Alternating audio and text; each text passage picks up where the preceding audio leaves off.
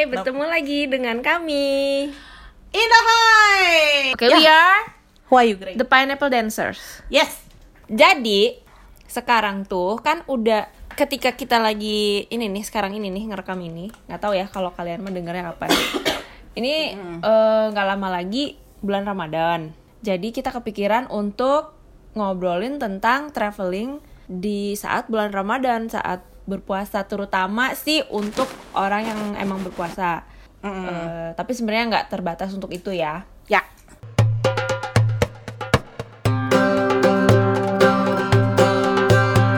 Nah, jadi kita tuh perhatiin kalau selama uh, bulan Ramadan di Indonesia itu atau orang Indonesia, orang yang berpuasa itu jadi lebih jarang traveling gitu ya.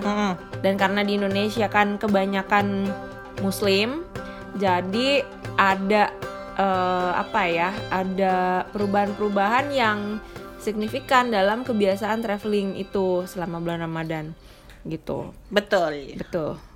Eh begitu juga dengan gua. Kok langsung ke situ ya?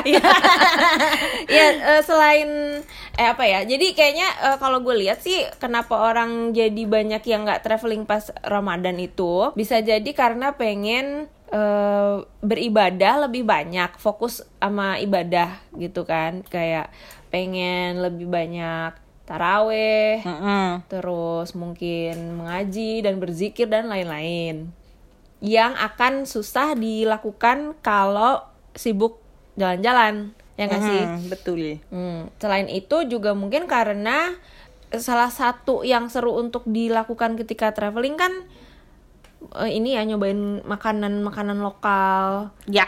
yang ya nggak sih? Iya betul. Ketika lu puasa ya lu cuma bisa makan ketika sahur sama makan malam ya jadinya nggak banyak kuliner lokal yang bisa dicobain gitu kan. Mm. terus selain itu juga mungkin karena nggak kuat. Speaking of gak kuat. Nggak kuat karena mungkin ya misalnya yang biasa suka jalan-jalannya ke pantai Masya Allah kan panas banget pengen minum apa air kelapa es es kelapa gitu ya itu kan nggak bisa jadinya dilakukan. Terus eh, atau enggak yang misalnya suka hiking Hmm. eh, jadi nggak punya tenaga karena makanan yang masuk juga sedikit mungkin begitu. Sebenarnya beberapa hal itu juga eh, berasal dari pengalaman gue sendiri. Karena gue orangnya laparan jadi kalau jal apa kalau bulan puasa gue tuh emang berusaha ya menghindari aja jalan-jalan gitu.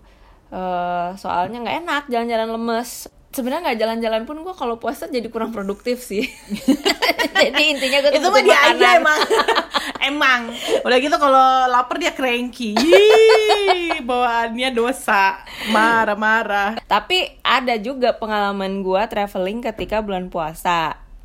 Cuman tuh nggak nggak banyak sih. Eh, paling pernah waktu itu ke Singapura. Cuma kalau Singapura kan nggak banyak beda ya sama kita di Jakarta di kota-kota juga gitu. Waktu itu ke Jogja.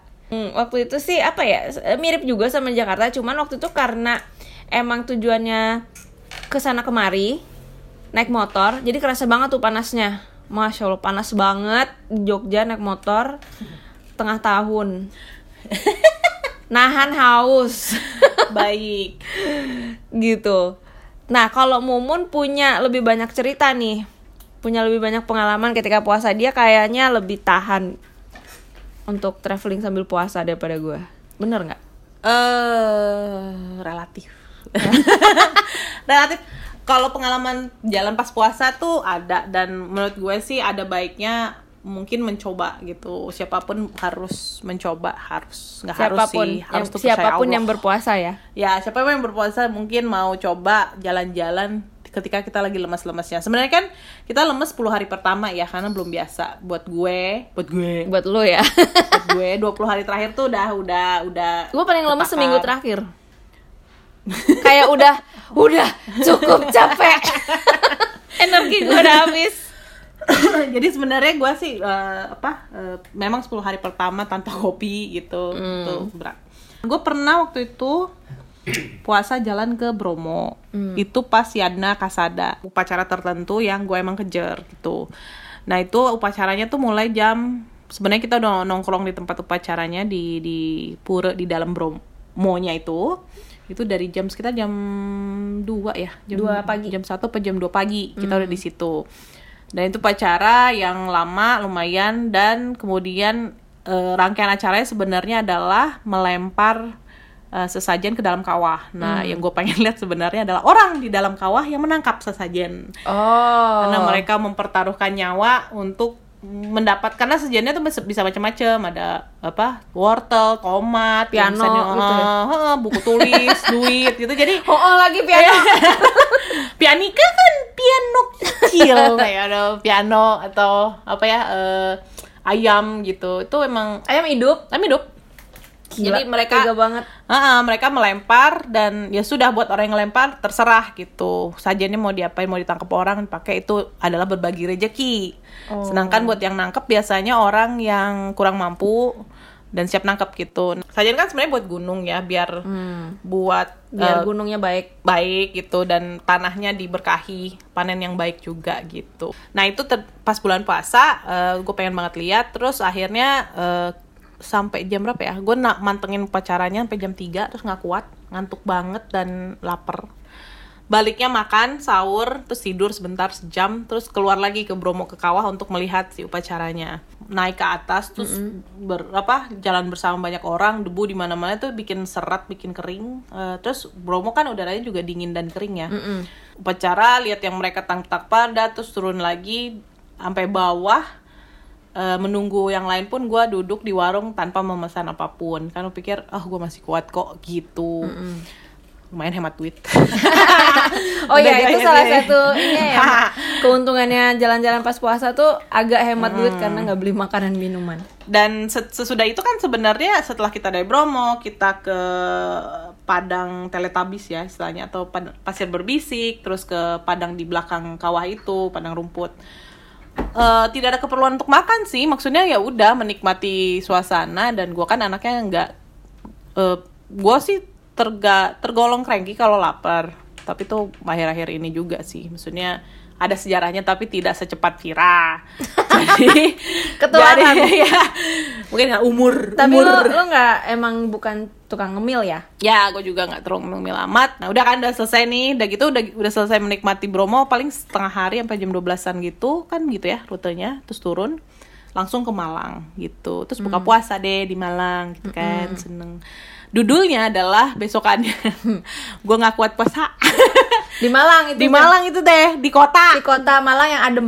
yang adem karena ada bakso bakar dan itu hari terakhir gue di Malang dan gue berangkat tuh kalau nggak salah sorenya itu adalah satu-satunya kesempatan gue mencoba bakso bakar Kapan lagi ya kapan kan? lagi Nggak bisa dibungkus. mm, terus gue beralasan musafir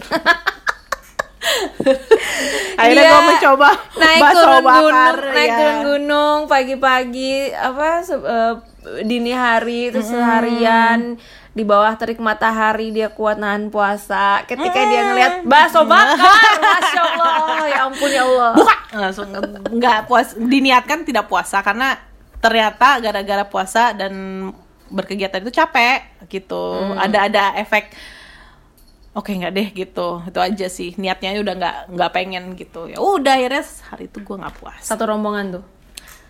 Semua pada pada dasar orang kayaknya satu-satu yang puasa gue Lulu dia semua saudara. semua sudah meniatkan tidak bapak tidak akan puasa karena perjalanan gitu Oke. cuman ya gue masih puasa gitulah Abis itu Soal dibayar puasanya. dibayar dong berhubung mak gue religius ya jadi bayar nggak bayar tetap harus puasa gitu Bayar nggak bayar tetap harus puasa. Senin Kamis maksudnya. Oh oke. kalau pas gue bisa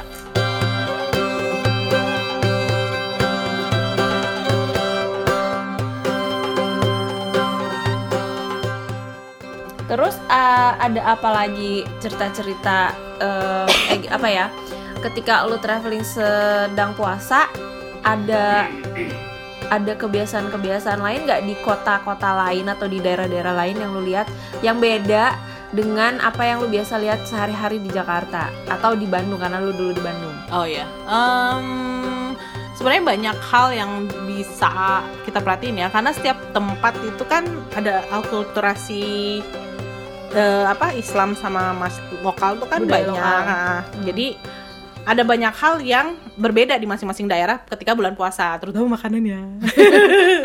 Ada yang Terutama makanan. sebelum apa yang kalau di luar bulan puasa makanan itu nggak ada. nggak dijual. Ah, jadi gue ingat waktu itu gue ikut tripnya Traveler Kaskus. Gue nggak tahu kenapa pokoknya gue belain deh ke Jogja. Mm-mm. terus gue ikut uh, walking tournya Travel Kaskus mereka mengadakan uh, jalan kaki masuk Kauman masjid Kauman itu. Di belakangnya tuh ada rumahnya Kiai Ahmad Dahlan ya kalau nggak salah. Dan itu tuh adalah rumah di mana dia menetapkan arah Ka'bah jadi nggak Oh. nggak persis barat tapi agak ke utara tuh di situ katanya. Ya dan ada bekas kayak guratan dia di lantai bahwa arah Ka'bah tuh agak melenceng ke utara sedikit. Hmm. Nah itu salah satu eh, agendanya si tour ini. Nah sebenarnya gue ke sana karena mungkin pengen main aja kali ya. Diajak Suci kalau nggak salah. Terus kalau nggak salah Suci mereka Rifani. ada beberapa orang dan gue juga kenal di situ. Em, dan menarik sih karena selain tour jalan kaki terus masuk ke daerah Kauman tuh bagus-bagus banget. Lu pasti suka sebenarnya Fir. Karena dia kayak Kaumannya Solo yang pintunya aneh-aneh oh iya iya iya cakep-cakep, warna-warni, terus bentuknya beda-beda gitu. Kayak gitu di belakangnya Masjid Kauman. Terus Masjid Kaumannya sendiri juga kalau gue tidak ikut tour itu mungkin gue nggak ngeh ya. Karena masjidnya ternyata pakai model pendopo, terus eh, apa? hiasan apa namanya kayak Ukiran. ukiran eh, si masjid itu bagus banget detail banget sampai ke atas atap atap atapnya cakep banget sih sebenarnya Mm-mm. Sama ternyata si masjid ini kalau bulan puasa selalu menyediakan nasi bungkus sampai ratusan biji Untuk untuk, orang orang-orang buka puasa. buka puasa gitu. oh itu dari donatur tuh ya Mm-mm. Dan itu salah satu, gue inget tuh salah satu posting yang banyak like-nya di Indohoy Oh. Karena kayak, wow, banyak yang suka ini ternyata Yang foto piring dari atas itu loh, Oh, iya. piring-piring-piring ya Iya, gitu iya, iya.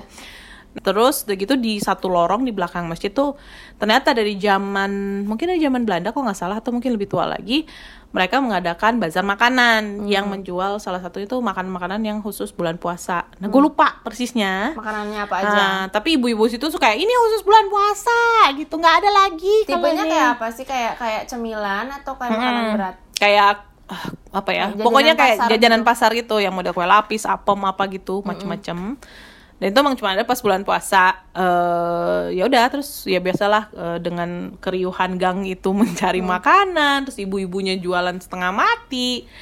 Am, dan besok besoknya pas gue ke Jogja ke situ sih emang nggak ada kalau hari-hari biasa gitu oh nggak bohong dia ya? Gitu. Makanya bukan nggak ada. bukan ini trik pemasaran doang. Ya betul. Jadi pergi pas puasanya tuh memang ada ada aja sih yang bisa menarik Em, kalau siangnya gitu sebenarnya kalau siangnya nggak ada memang menantang ya panas Iya. gitu ya. Panas. Pengen ngemil pengen minum gitu. Tapi eh, sorenya sih yang jadinya lebih meriah ada sesuatu biasanya menjelang buka puasa gitu. Kalau pengalaman tarawihnya malamnya gimana? Kalau oh ya taraweh tuh buat gue kadang-kadang eh, sebenarnya ini gara-gara pertama kenapa ya? Eh, awalnya yang pertama ngajak gue tuh emak gue lah. Dia selalu suka taraweh. Apalagi kita kalau kayak menjelang lebaran kan pasti kalau mudik biasanya keluarga gue mudik. Entah ke Makassar Surabaya dulu. Atau mudik lewat Jogja segala macam emak gue tuh selalu ngajakin taraweh di masjid. Mm-mm. terus gue kan males sebenarnya Bisa kok Tapi- sendiri aja. ya, di iya di rumah kan boleh gitu kan. Tetapi ya dengan berbagai paksaan ya dasar mak gue tuh ngajarkan gue eh, banyak hal. Salah satunya adalah bahwa setiap masjid itu berbeda di setiap tempat. Dan gue jadi melihat ya se minimalnya lantainya. Karena kan sholat ngadep bawah ya?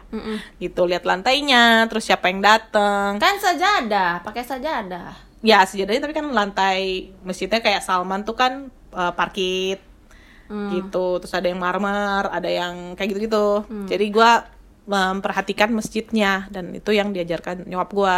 Ya by the way nyokapnya Mumun ini gue nyebutnya tante mami. Iya. Tante Kan- mami yang sangat fabulous. Betul karena nyokap gua nggak mau dipanggil mama maunya dipanggil mami. Dan karena gue teman anaknya tante mami. Iya terus terus?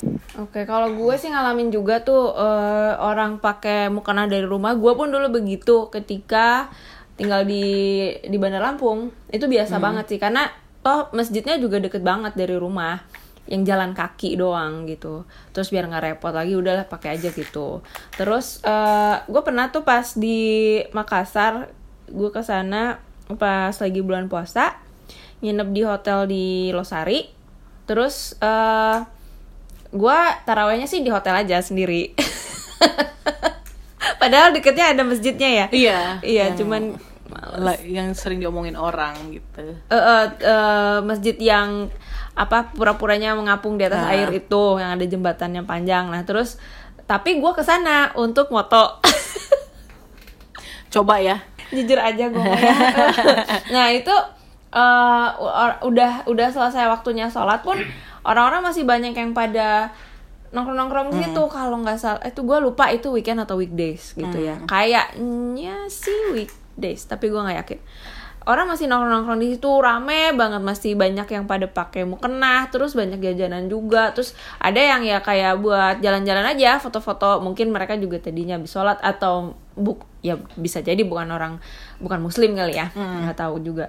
Gitu. Rame banget sih. Cuman kan gua nggak tahu kalau di sana selain bulan Ramadan kayak gimana tapi gua rasa sih nggak akan seramai itu ya.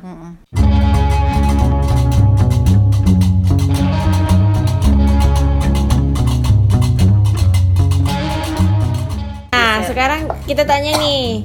Kan Dian mah ini ya sering Dian tuh kerjanya apa kerjaan dulu ya? Dia ada masanya dulu itu kerjanya bikin video dokumenter di eh, berbagai daerah di Indonesia.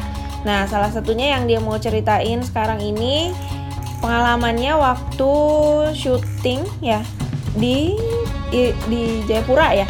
Di Jayapura ke eh di Indonesia Timur lah katanya. Kamu nyamain aja semua nanti pada marah loh. oh ya. Karena dia Oke, sering, itu. Oh, dia mah sering, jadi pasti ceritanya banyak nih. Ketika bulan puasa. kucing. Nah, seperti kita tahu kan kalau di Indonesia Timur em, Islam itu bukan agama yang mayoritas ya. Nah, kita pengen tahu kayak gimana sih ceritanya kalau di sana pas bulan puasa. Silakan Pak Dian. Assalamualaikum warahmatullahi wabarakatuh. Waalaikumsalam warahmatullahi wabarakatuh. Bapak-bapak, ibu-ibu. iya tuh puasa. Puasa di Indonesia Timur menarik karena apa ya? Effortnya jadi lebih gitu rasanya. Di Indonesia Timur ini bagian mana nih misalnya yang ada kamu? beberapa, misalnya eh, saya pernah eh, ke Atambua, Mm-mm. terus puasa. Oh, kamu pernah ke Atambua ya? Iya mau gitu. Ah, Kok aku nggak diajak? Oh, belum kenal waktu itu ya. oh, belum kenal waktu itu. Terus Jadi em, puasa sepanjang dari Atambua menuju Kupang nyari nyari yang buka puasa susah cuy. ny- nyari- jadi mau nyari nyari sesuatu yang sangat familiar Cemilan. dekat dengan rumah nyari takjil tuh udah, udah di sana makanannya eh, tidak bukan makanan yang biasa kita Maksudnya ketika kita berpuasa kan kita punya ekspektasi-ekspektasi tertentu Kolak, ketika kolak apa bubur Heeh. gorengan gitu ya. Walhasil buka pakai Indomie. Ada satu Anak kos banget. lah habisnya di ada eh, salah satu daerah setelah Soe kalau nggak salah ada pucuk bukit sedikit ada warung Indomie mojok Eh, ada pohon cabai depannya Oh, langsung cabenya dari situ. Kenapa nggak cari warung nasi? Nggak ini karena eh, buru-buru ngejar tarawih ngejar apa kebetulan si driver kita muslim juga Mm-mm. Pak Salim namanya Eh, jadi udah mas biar sekalian tarawih udah mm, ngebut Oh. wah itu mas berhenti ceret adanya apa ibu super mie mas gitu ya udahlah Super mie merek Indomie. eh mie sedap ternyata Oh, Tiga merek. Iya kan, ya gak itu. Brand bukan hal yang penting ya di sana. Nah, kan. Ya udah makan Indomie kelar, turun nyari tempat taraweh pun. eh, oh itu pertama kalinya gue taraweh. Eh, merasakan eh, gimana rasanya saudara-saudara Nasrani yang Nataran dijagain polisi. Gue taraweh dijagain polisi di Atambua. kenapa? Nggak tahu. Emang lagi ada kerusuhan antar agama? Enggak aja, kayak udah kayak udah biasa itu polisi tuh emang udah biasa di situ mas kata dia. Kalau taraweh, oke. Oh, kalau terawih doang. Ya kalau maksudnya untuk kegiatan eh, itu, oke. Kayak Ada deg-degan tuh. keramaian ya, ada keramaian harus jaga nih. Ya, sudah mulai beneran. Aman, merasa aman. Atau takut justru? Kenapa harus jagain polisi? Ada apa ini? Iya benar jadi takut malah kayak ini kenapa nih jagain polisi ya? Jadi nggak khusyuk. Jadi Oke, emang bisa khusyuk ya? ya. Insya Allah khusyuk. Terus terus terus. Oh, itu di Kupang Atambua terus apa? Karena kan salah satu eh, ketika kita bepergian ke tempat eh, daerah lain kan kesempatan untuk mencobai minuman keras lokal. Ini adalah sebuah pengalaman budaya. Budaya. Eh, mama mertua, anaknya Mama. Pulang terawih Pak Salim, eh, Pak Salim. Pulang terakhir dia nyobain Ya minuman kerasnya masih apa? masih pakai sarung. Eh apa sih di situ so, so bukan Sopi. Sopi? So- Sopi Bu. Sopi kan masih masih Sopi. Oh ya, Sopi gitu. Eh Pak Salim, tuh ada mau cari Sopi di mana ya? Gitu. Wah, sebentar Mas gitu. Ikut nggak gitu? Ayo, terus pakai masih pakai sarung diantar naik mobil, Kak. Sopi dua. Not try this at home. Kan mau sahur mandi wajib dulu. Akhirnya ngarang sendiri. Tapi gara-gara minum ya. iya.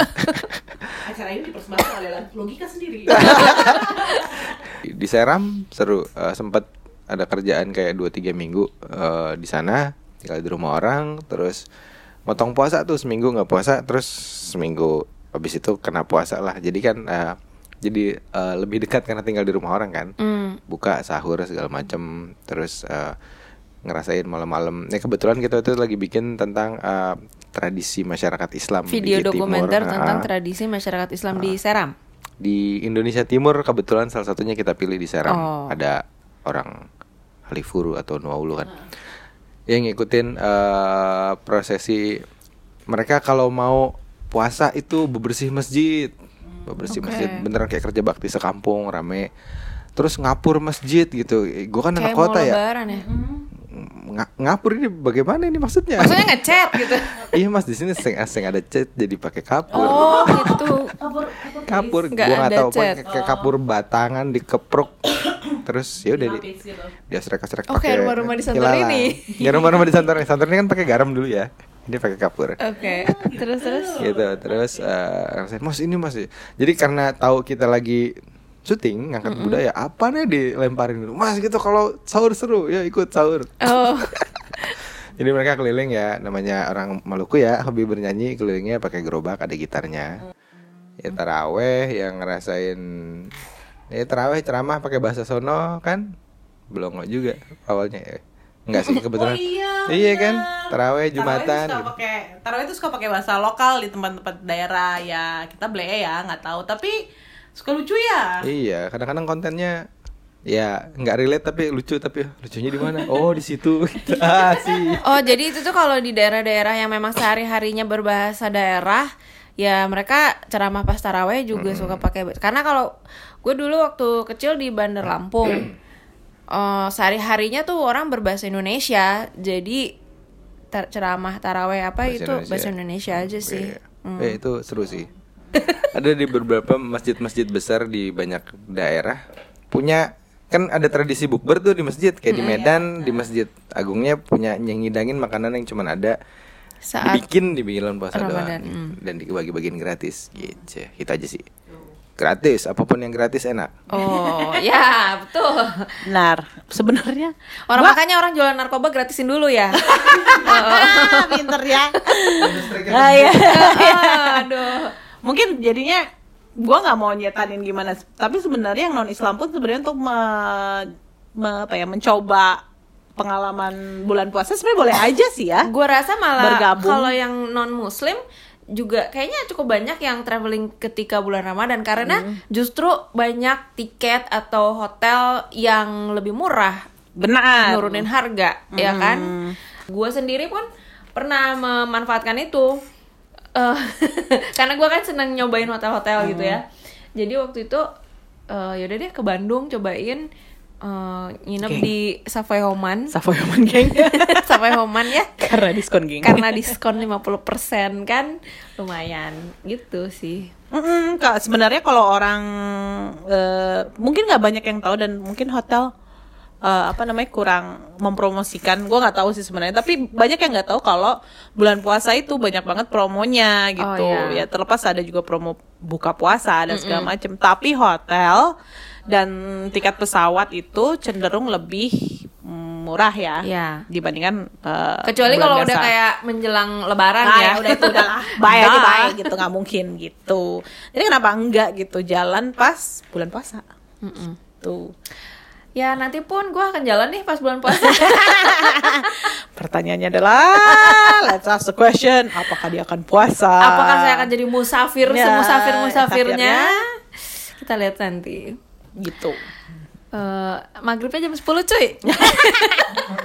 oh iya iya eh tapi nggak apa-apa loh katanya kalau Iya temen gue yang tinggal di Ah, sana.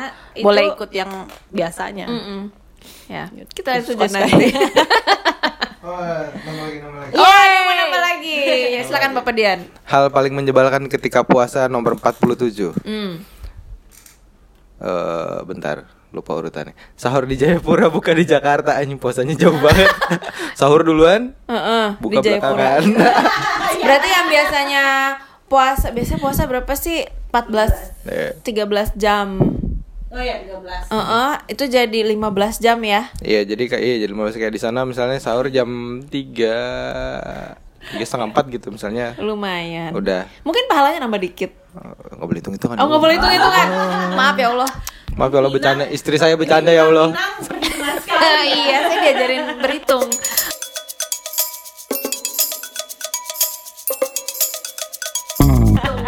Oke, eh Mun, waktu lu dulu di Australia gimana? Pernah puasa yang jamnya panjang nggak?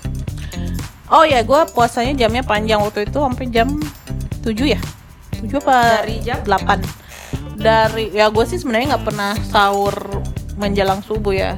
Pas gue suka bolong sholat subuh waktu itu. Anyway passing that it's the past. Let's move on. Eh, jadi gue biasanya makan tuh malamnya. Biasanya kan sambil oh ya sambil ngerjain ke tugas gitu. Jadi sebelum tidur emang udah hajar makan gitu. Berapa jamnya sih? Nggak nggak tentu jadinya. Toh juga gue emang agak bangunnya siang kan ya. Kalau di sini yang- lu tapi selalu sahur. Kalau di sini biasanya kalau ada ya gue sahur sih kalau di sini eh, Karena sudah menyadari bahwa itu sunnah ya. iya dan lapar ya kalaupun sahurnya nggak nggak mengenyangkan Mm-mm. ya gue buka sih di kantor atau segala macem gitu Buka maksudnya. nggak nggak kuat puasa Oh Jadi gitu. gua- Oh, ah. ngaruh banget ya. kadang ngaruh kalau digangguin bos ya Bos yang nggak tahan bantingnya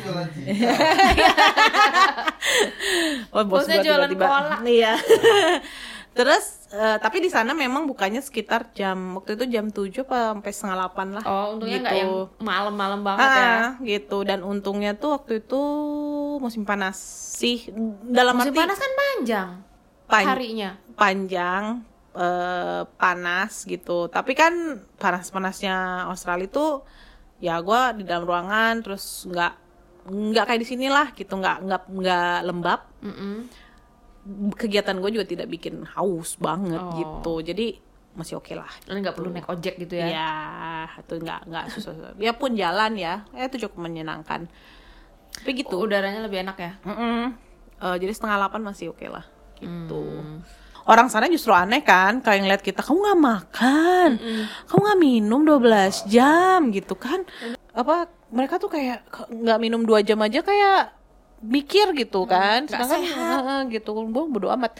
Nggak karena mungkin ya jelas karena mereka tidak biasa. Mm, mereka nggak nggak familiar dengan konsep puasa Ah, gitu ya. jadinya sesuatu yang aneh. Ya gue emang ditanyain sih gitu. Kamu nggak apa-apa nggak pingsan? Ayo oke gitu kan. Orang Australia kan justru ketika puasa dan jalan di luar negeri orang bertanya-tanya kamu nggak apa-apa? Gitu. Tidak makan. Karena itu bukan konsep yang mereka mengerti Oke. gitu Baik baik baik. Jadi sekian cerita-cerita kita tentang berpuasa ketika traveling ya. kayaknya sih sesuatu yang kalau gue gue rekomendasi deh untuk Coba. yang muslim untuk jalan kalau perlu ke tempat yang tidak mayoritas muslim gitu untuk mencoba sesuatu yang baru gitu. Supaya ada gas, pengalaman saya nggak usah ngegas ya. di sini ya. Cuman memang kalau kayak gitu berarti nggak nggak nggak nggak untuk mengejar eh, budaya atau tradisi Ramadan yang berbeda, tapi untuk mengalami rasanya jadi minoritas gimana sih? Gitu ya. Itu juga iya gitu. apa rumah makan tuh nggak ditutup-tutup kain mungkin ya? Ya gue aja mayoritas di situ gue nggak ngerti kenapa ditutup kain gitu. Itu kan amal gue gitu ya. orang nggak mau amal sih gitu. Ya ampun. Tapi gitu eh, udah gitu merasakan banyak budaya yang berbeda suasana yang jelas berbeda gitu. Dan terlepas keluar dari rumah ya pasti beda ya tapi bisa kalau ngulang ke situ lagi di saat bulan bukan bulan puasa juga beda lagi. Jadi bisa ngulang lagi ke sana. Nah bulan puasa yang akan datang ini lu ada rencana mau jalan-jalan nggak? Ada. Sebenarnya gue kayaknya pengen ada rencana ke Singapura. Hmm. tapi yang namanya Singapura ya. Gampang eh, lah puasa di oh Singapura ya. mah. Masalahnya akan kah akan kah nggak tahu masih nggak tahu karena eh ya nggak tahu deh masih melihat sikon ya yang susah sementara. mungkin puasa di Bangkok ya itu makanan jajanan ja- di jalanannya ya ampun. Ayam pinggir jalan guys. Oh my god nggak puasa banget. aja ngiler terus bawaannya aduh mangganya ya Allah. dadarnya Iya. gitu. Tapi ya pengalaman lah ya gitu. Oke, baiklah. Sekian cerita-cerita kami. Kalau misalnya kamu ada cerita juga, mungkin bisa sharing di mana itulah di mana itu di komen kalau ada ya ada ada tempat komen nggak sih saya belum lihat ini ada ya Travel more, experience more. Iya. Gila, gila, eksplorasi. gue suka nih, gue suka nih Dian Bawel nih gue suka nih. Oh, iya. Lain kali gue mau nih. kalau baru kenal emang dia dikit ngomongnya udah kenal malah "Shh, udah udah udah jadi kita ketemu lagi di eh, episode berikutnya yang kita belum tahu apa Ya. Pada usul mulai. selamat puasa Dah. dah